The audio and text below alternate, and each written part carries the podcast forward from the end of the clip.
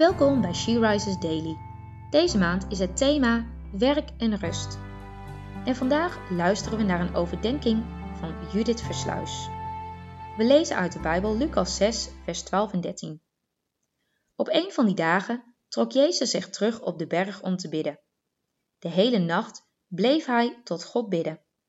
Toen de dag aanbrak, riep hij de leerlingen bij zich en koos twaalf van hen uit, die hij apostelen noemde.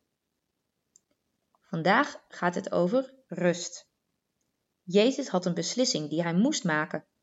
In de drukte van alle mensen om hem heen en tegenstanders die in beraad gaan om hem op te pakken, kiest hij ervoor om bij God te gaan zitten en met hem te praten.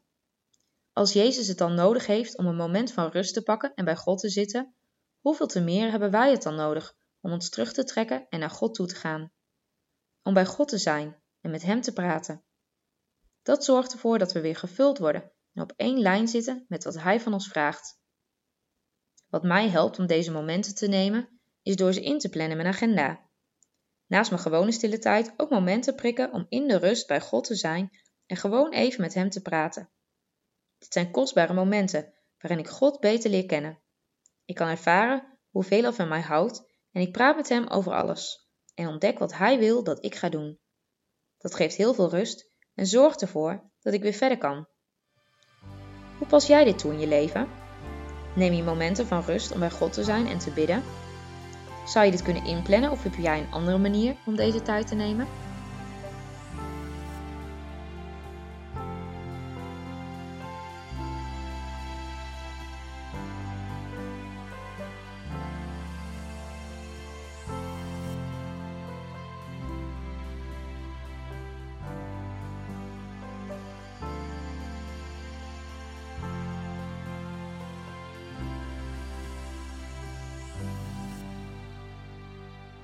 Laten we samen bidden. Vader God, dank u wel. Dank u wel dat u altijd beschikbaar bent, dat u altijd dichtbij bent en nooit ver weg. Jezus, dank u wel voor uw voorbeeld. U had het ook nodig om aan de voeten van de Vader te zitten, zijn wil te zoeken, in alle rust. Help ook ons om die momenten te pakken, om bij u te zijn.